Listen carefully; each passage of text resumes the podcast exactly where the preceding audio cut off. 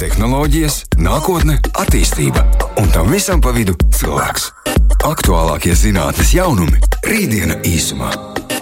Es sveicināts Artur Bernovski. Hei! Čau, čau, čau, pirmdienā! Vai ne? Darba diena tūlīt Jā. vienam otram būs beigusies. Kādam vēl kārtīgi jāpastrādā.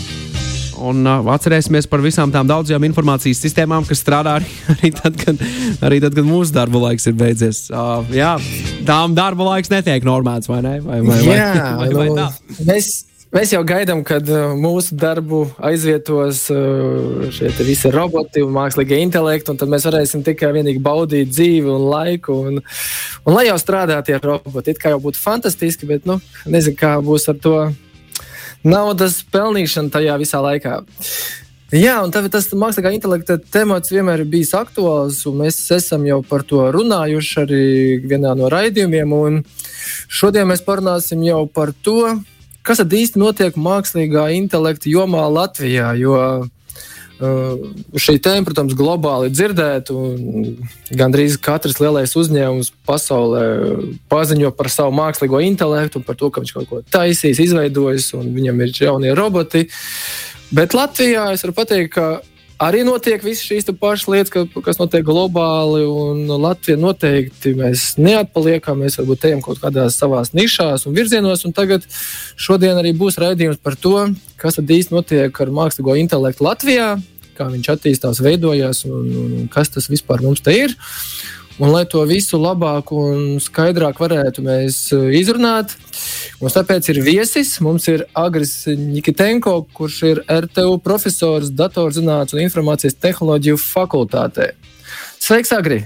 Labvakar, labvakar. Labvakar! Labvakar!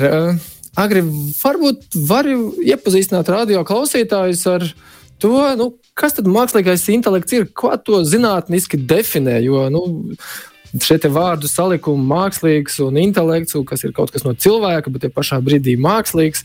Kā viņu zinātniski definē vispār? Par ko mēs te runājam? Jā, nu, Pirmkārt, viņam ir vairākas definīcijas. Neapšaubām, es jau uzreiz personificēju, teicu viņam, nu, tā tad tam, jo vienlaicīgi tā ir e, zinātnes joma, kurā es arī strādāju un veicu savu pētniecisko darbību pamatā. Tātad tā ir līdzīga kā matemātika, geogrāfija vai kāda cita zinātnes joma, arī mākslīgais intelekts ir. Nu, nosauksim tā, modernās zinātnes joma, viena no jomām. Un tas var arī būt objekts. Nu, tā tad līdzīgi kā dators vai datorprogramma, būtībā arī mākslīgais intelekts, ja tas atbilst noteiktām īpašībām, un šīs īpašības nosaka pilnais Turinga tests. Alans Čūrings, slavens matemātiķis ar lielu ieguldījumu modernajā skaitļošanā. Viņš ir definējis testu, kuru izējot nosacīt objekts, neatkarīgi no tā fiziskās izpausmes, vai tas būtu mehānisks, elektronisks, kvantu vai kāds cits. Tātad, izējot šo testu veiksmīgi, var saukties par mākslīgu intelektu. Nu, te gan man ir uzreiz. Tā ir. Varbūt, kas, kas tur tiek uzdots un kas ir tas? Ah, tas Turinga, jā, pilnais Turinga tests. Nu, labi, vispirms parastais Turinga tests, ja tā var izteikties. Nepilnais Turinga tests ir faktiski, jūs varat iedomāties, ir uh, tiesnesis, kas izlēma, ir vai nav sistēma. Nu, teiksim, mākslīgi, un viņš faktiski šis tiesnesis veids sarunu, dialogu ar divām sistēmām. Viena no tām ir cilvēks, otra ir mākslīga sistēma, bet viņš nezina, kura ir kura. Un tas nozīmē, ja viņš to nespēja ilgstoši atšķirt, tad var teikt, ka tā mākslīgā sistēma uzvedās tāpat kā dzīves sistēma, nu, tā tad dabīgs intelekts, un tāpēc tā ir intelektuāla, jeb mākslīgs intelekts. Lūk. Senāk brīdī, ja mēs uzejam kādu datoru, nu, chatbotu vai kādu risinājumu, un tajā brīdī mēs nevaram noteikt, vai tur otrā pusē ir cilvēks vai mašīna, Tad, nu, tad, ja tā ir mašīna, tad tas tomēr ir mākslīgais intelekts. Ja? Tā varētu teikt. Jā. Nu, mūsdienās mākslīgo intelektu tomēr saist arī ar tā saucamām fiziskām izpausmēm. Tas nozīmē, ka cilvēkam, nu, es atvainojos cilvēkam, tad, tad sistēmai ir jāspēj operēt ar fiziskiem objektiem. Nu, piemēram, jāspēlējas ar LEGO klucīšiem. Nu, tā tad ir robotizācijas daļai jābūt. Un tad, ja tas ir kopā ar minēto dialogu, nu, tad varētu teikt, ka objekts ir mākslīgs intelekts.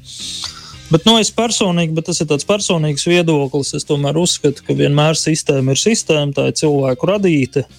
Un, nu, gribētos tomēr diferencēt, nu, teiksim, intelekts ir vairāk saistāms ar, ar dzīvām būtnēm. Nu, teiksim, intelektualitāte, jā, varētu tikt saistīta ar, ar mākslīgu sistēmu, nu, kādā noteiktā jomā.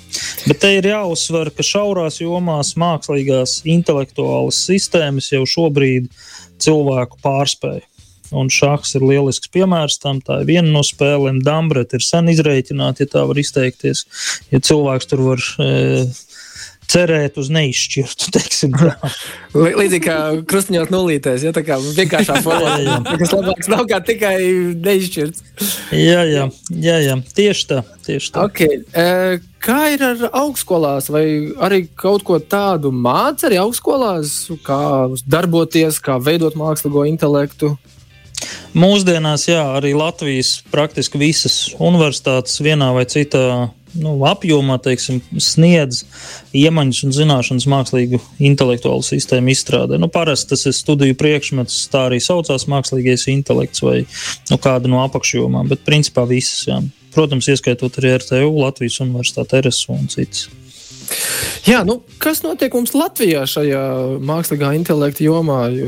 Es nu, salīdzinot varbūt ar pasauli, kas ir tie projekti, pie kā tiek veikti pētījumi, un kas ir tie interesantie projekti Latvijā, kur šobrīd attīsta šo mākslīgo intelektu? Nu, ir jāatzīst, ka tieši šobrīd mākslīgais intelekts, un ja sevišķi runā par mākslīgiem neironu tīkliem un dziļās apmācības tīkliem, šobrīd ir uz tāda, nu, varētu teikt, ļoti stāva viļņa. Tas nozīmē, ka e, ārkārtīgi liels potenciāls ir saskatīts kā no industrijas, tā no akadēmijas puses. Liela, liela daļa, ja es pat gribētu apgalvot, lielākā daļa nozīmīga Latvijas tautsēmniecībai uzņēmumu vienā vai citā mērā cenšas mākslīgā intelekta tehnikas un metodas izmantot savā labā. Līdz ar to viņi iegulda caur kompetences centriem, iegulda līdzekļus to tā attīstībā veids kādus kopīgus pētījumus un, un tam līdzīgi. Lūk, nu ir jāsaprot, ka mūsdienās, nu, teiksim, ja, ja tāds vienkāršs mietpilsonis, nu, mēs katrs kādā brīdī esam mietpilsoņi, ejam uz veikalu, tad ir jāsaprot, ka lielākā daļa, kas veikalā ir nopērkamas, preces ir radītas ar vienu vai otru mākslīgā intelekta tehniku nu, izmantojot to. Vai tie būtu roboti, vai tas būtu automātiskās līnijas, plānošanas sistēmas, loģistikas sistēmas, optimizācijas sistēmas. Nu, tā, tad, tas viss ir mākslīgā intelekta nopelns lielā mērā. Un, un, un mūsdienās arī Latvijā, protams, kad, ja, ja atceraties, ļoti tādus interesantus paziņojumus, bija vismaz divi paziņojumi par automātiskā transporta projektiem ir, ir intelektuāls nu, teiksim, satiksmes regulēšanas sistēmas, ir gan uzņēmumi, kas ir ārvalstu uzņēmumi Latvijā. Šeit pat uzstāda, nu, es atļaušos nesaukt varbūt nosaukumus, jo tas ir saistīts ar tādu biznesa lietām. Uh, un, un, un pētījumi notiek kā teksta apstrādē, tēlu apstrādē, nu, tātad vizuālu tēlu apstrādē, atpazīšanā, klasifikācijā. Notiek pētījumi valodas, dabīgās valodas apstrādē, atpazīšanā. Šeit gribētu īpaši izcelt eh, ļoti interesantu jaunu uzņēmumu, kas ir eh, Āzijā, kas strādā tieši pie dialogu sistēmām. Nu, tātad divi cilvēki var sarunāties, un tas dialogs tiek analizēts mūsu viedierīcē, piemēram, telefonā. Ja. Tāpat tās ir robotizācijas uzdevumus, nu, teiksim, arī pēta. Faktiski tur ir gan Latvijas lauksaimniecības universitāte. Nu, man jāsauc, ir, tad ir visas universitātes gandrīz Latvijā nodarbojās ar to, ja tā drīkst izteikt. Visas tieši cenšas iesaistīties šajā. Jā, Iesaistās jau, tur nav ko censties. Tur vienkārši jālec iekšā un jādarbojas. jā, tur ir ļoti daudz ko darīt. Jā, minēja neironu tīkli. Varbūt var ātri ieskicēt, kas ir tie neironu tīkli, radio klausītāji saprotu, par ko mēs runājam. Jā, neironu tīkla tā vispār ir kā skaitļošanas paradigma. Ja, Tātad mm -hmm. tur ar tādiem vienkāršām skaitļošanas funkcijām imitē dabīgos neironu tīklus, kādus mēs redzam, nu, uzvedības izpratnē, redzam arī mūsu smadzenēs. Protams, ir jāsaprot, ka matemātika ir ierobežota tādā attēlošanas un imitācijas ziņā, un līdz ar to, protams, ka visu to daudzveidību, ko piedāvā dabīgais neirons, šie matemātiskie objekti nepiedāvā, bet tomēr nozīmīgu daļu piedāvā gan. Sanāk, ka šie neironu tīkli arī kaut kādā formā dara to pašu, un uz līdzīgu funkciju kā smadzeņu neironu tīkli. Šajā ziņā varētu arī teikt, ka šī mākslīgā. Līdzīgi. Jā, jā nu, līdzīgi. līdzīgi. Mākslīgā intelekta neironu tīkls strādā līdzīgi kā cilvēka neironu tīkli smadzenēs. Tas arī kaut kādā ziņā ir tās paralēlas, ka var salīdzināt. Jā. Tur ļoti interesanti, ka uh, psiholoģijas pētie, pētnieki vēršas pie mākslīgām neironu sistēmām, lai saprastu dažādus nu, cilvēkam raksturīgus uzvedības fenomenus, un otrādi savukārt mākslīgie intelekta pētnieki vēršas pie psihologiem, lai saprastu, kā cilvēks īstenībā tur uzvedās un lai to imitētu. Tā kā tur ir absolūta sinerģija, tā var izteikties. Rītdiena īsumā. Turpinām, turpinām jā, mūsu sarunu par uh, mākslīgo intelektu rītdien īsumā ietvaros. Rekur ir, rekur ir pirmais jautājums, vai ir ah, profesijas, kuras mākslīgais intelekts noteikti nevarētu aizstāt? Kā ir ar tiesneša un advokāta profesiju? Agri tas laikam jautājums vairāk tavā virzienā. Tiesneši un advokāti. Tiesneši vēl varētu, vai ne? Tiesnesis varētu būt mākslīgais intelekts. Prokurors arī. Es gribētu vērsties pie antīkajiem filozofiem. Viens no tādiem bija Aristoteles, kas izstrādāja to saucamo siloģismu loģiku, kas tieši tika izmantot, nu, kas ir uzskatām modernajā zinātnē par sākumu mākslīgajam intelektam, tieši lai aizstāvētu apsūdzētos kā advokāts Aha, viņš uzstājās.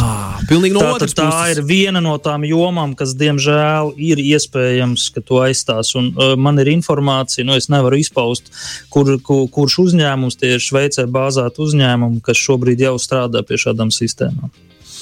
Tad rīši, tā, tā ir ļoti tuvu nākotne. Tiks aizvietota.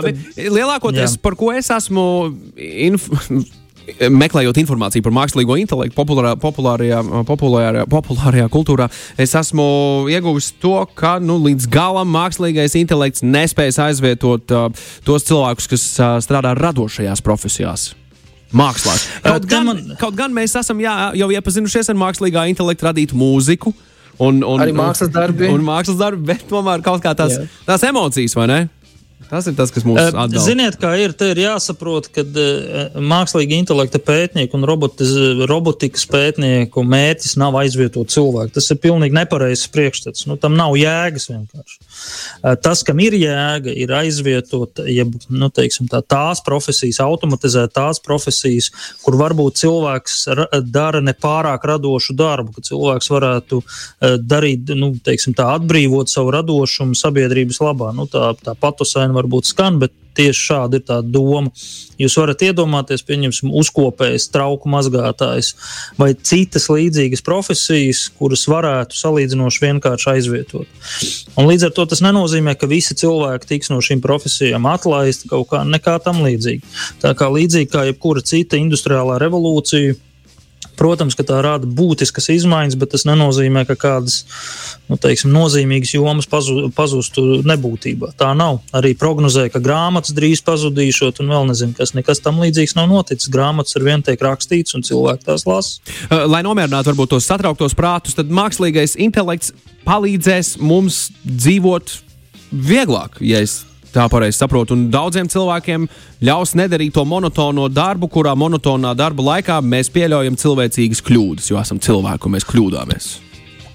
Pilnīgi precīzi. Jā. Pirmkārt, tiks atbrīvotas tās darba vietas, kas ir saistītas ar būtisku risku cilvēku veselībai un dzīvībai.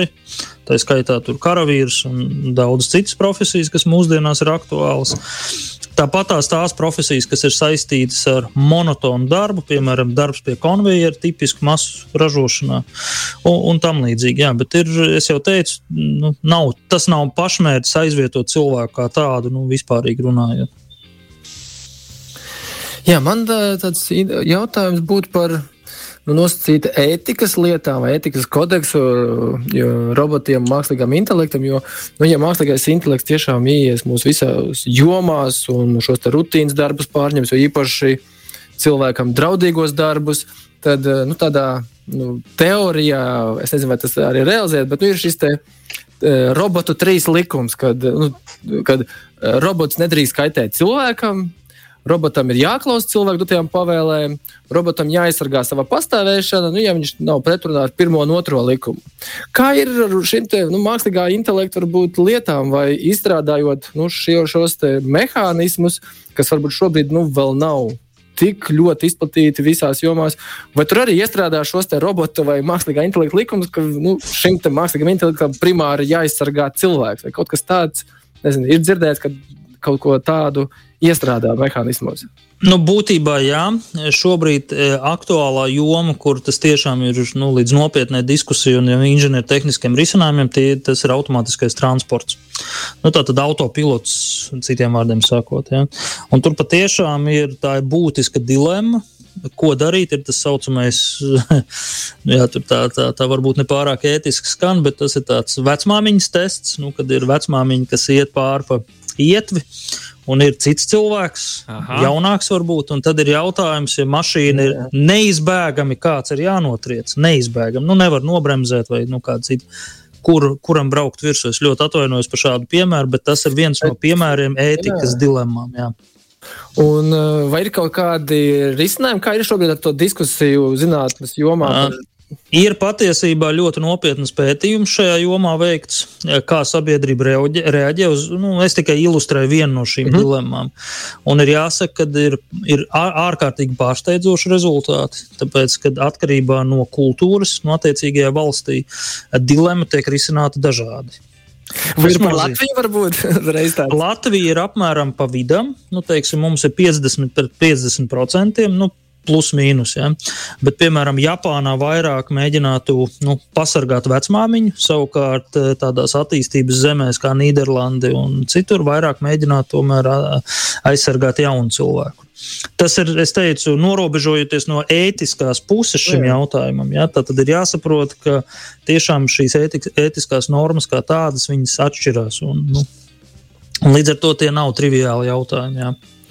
Kā ir ar šiem projektiem Latvijā, vai arī valsts sektors kaut ko dara šajā virzienā un skatās, vai valsts iestādes arī ir gatavas ieviest, nu, aizvietot varbūt ierēģus ar mākslīgo intelektu, jo, nu, ja jau mēs neredzēsim atšķirību, tad kāpēc mums vajadzīgs ierēdis daudz, daudzās vietās? Tas ir ļoti labs jautājums, bet jums jāsaprot, ka birokrātija atražo birokrātiju. okay. es varbūt tā, nu, tā lozungu veidā, ja, bet nu, apmēram tā tas ir. Nu, citiem vārdiem sakot, ir jābūt ārējam, ja tā var izteikti, izteikties dzinulim. Tas nozīmē, vai tā ir biznesa komūna vai akadēmiskā komūna, kas šo diskusiju uzsāk. Diskusija ir uzsākta, ir valsts prezidents ir uzsācis šo diskusiju, to ir uzsākušas arī nozara ministrijas un attiecīgi savās jomās. Jo nu, tur ir jāsaprot, ka gaisa transports ir ražošanas iekārts. Nu, tā tad tā, tā mākslīgā intelekta dilemmas ir dažādās jomās piemērojams. Diskusija ir uzsākta. Šobrīd konkrēts regulējums ir tikai gaisa transportam, automātiskajam gaisa transportam. Tas regulējums lielā mērā nu, faktiski kopē tās pašas normas, kas ir pilotējumam gaisa transportam. Nu, tā kopumā, teiksim, tur ir izņēmumi, bet kopumā. Līdz ar to man liekas, ka no Baltijas valstīm priekšā mums ir Igaunija, tāpēc, ka tur jau ir iestrādāta arī satiksmes noteikumos, kā jārīkojas situācijās, ja uz ielas ir robots, piemēram.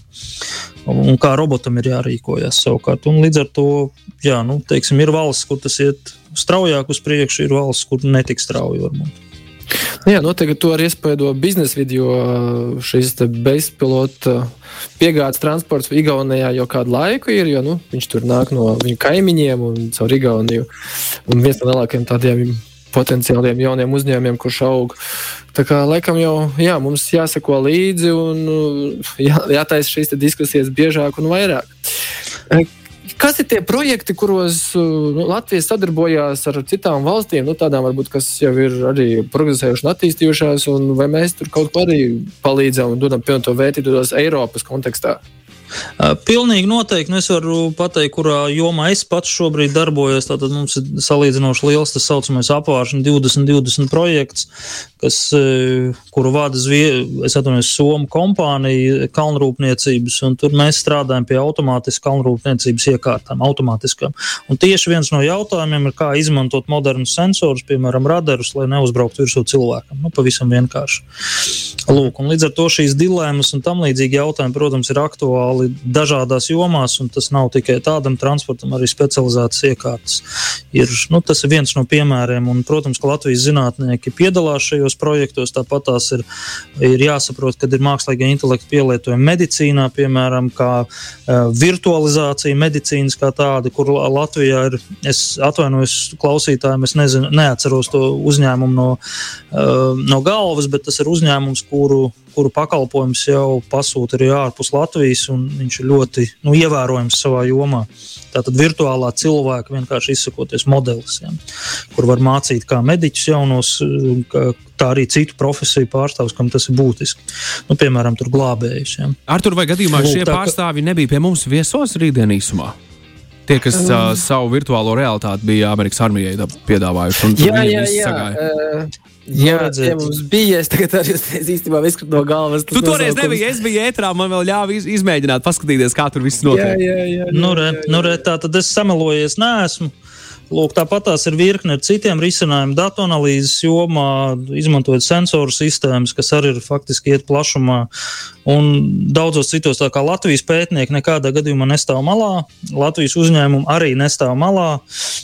Un regulējums ar lielā mērā nu, iet savu lēno gaitu, bet nu, iet tā, kā tā, tā, tās jomas attīstās. Mēs noteikti nestāvam malā.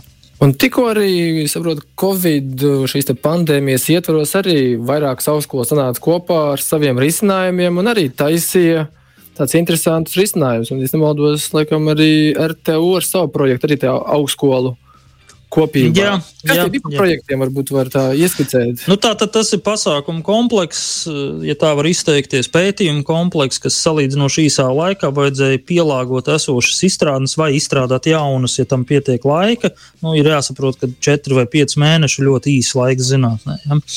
Lūk, lai cīnītos ar Covid izraisītajām sekām un risinātu tās problēmas, ko tas nu, teiksim, ir radījis. Nu, piemēram, konkrēti arī Lat es atvainojos Rīgas Tehniskā universitāte piedalījās vairākās aktivitātēs. Nu, tā aktivitāte, kurā es biju, eh, Reizeknas eh, Tehnoloģija akadēmijas vadībā faktiski mēs strādājam pie robota, kas dezinficē virsmas, ar kurām saskarās cilvēks. Nu, piemēram, zvanu pogas, durvju rokturi, pašas durvis nu, un tā tālāk. Ja? Mm. Lūk, un tad nevajag eh, ar ķīmiju, nav jāstaigā cilvēkam, un teiksim, to var darīt robots. Faktiski tajā laikā varbūt cilvēki neusturās telpās un tā, tādā veidā. Nu, tas ir viens no piemēriem. Tikai, ja? Sanāk, tas robots tajā cilvēka probūts laikā visu dezinficē, un tad var nākt cilvēks. Jā, jā pilnīgi pareizi. Pilnīgi pareizi. Jā. Lūk, nu, tad, tā, tad tāpat tās ir eh, antivirāli, antibakteriāli, dažādi materiāli. Nu, tā tad antivirāli, kas cīnās, ja ierobežo vīrusu vairošanos, antibakteriāls, notiecīgi baktērijas. Ja. Lūk, nu, arī tādi materiāli tika izstrādāti un demonstrēti un pētīti, kādas viņu ietekmes, dažādi citi, pieņemsim, jauni nu, teiksim, tekstilu izstrādājumi, kas ir ērtāki varbūt um, nu, teiksim, ārstiem un, un, un mediķiem kopumā. Teiksim, lai sevi pasargātu. Lai nebūtu nu, ties, teiksim, neelpojošie materiāli jāizmanto apģērbā. Ja? Un tā tālāk. Tā kā, protams, kad ir pētījumi, kas, kas notiek. Jā. Nu, jā, nu, prieks dzirdēt, ka Latvijā viss notiek un mēs esam pasaules līmenī un darbojamies. Noteikti, Mūsu tas, tas varbūt tā virziens ir atrast tās nišas, jo tomēr mēs esam mazi salīdzinot un nevaram visur būt. Bet milzīgs prieks, ka viss notiek. Un agri jā, paldies par uh, ieskicējumu mākslīgā intelektā un noteikti kādos nākamajos raidījumos varēsim iet vēl dziļāk un parunāt jau par realizētiem projektiem, kas ir izgājuši kaut kur noteikti arī pasaulē. Ar prieku! Mīļš, paldies par sarunu. Artur, saku tev paldies. Paldies, Agri, par atrasto laiku un tiešām ārkārtīgi saistošo uh, informāciju, ko varējām dzirdēt rītdien īsumā. Paldies! Visu labu! Čau, čau visiem! Paldies! Lai veicas! Rītdiena īsumā!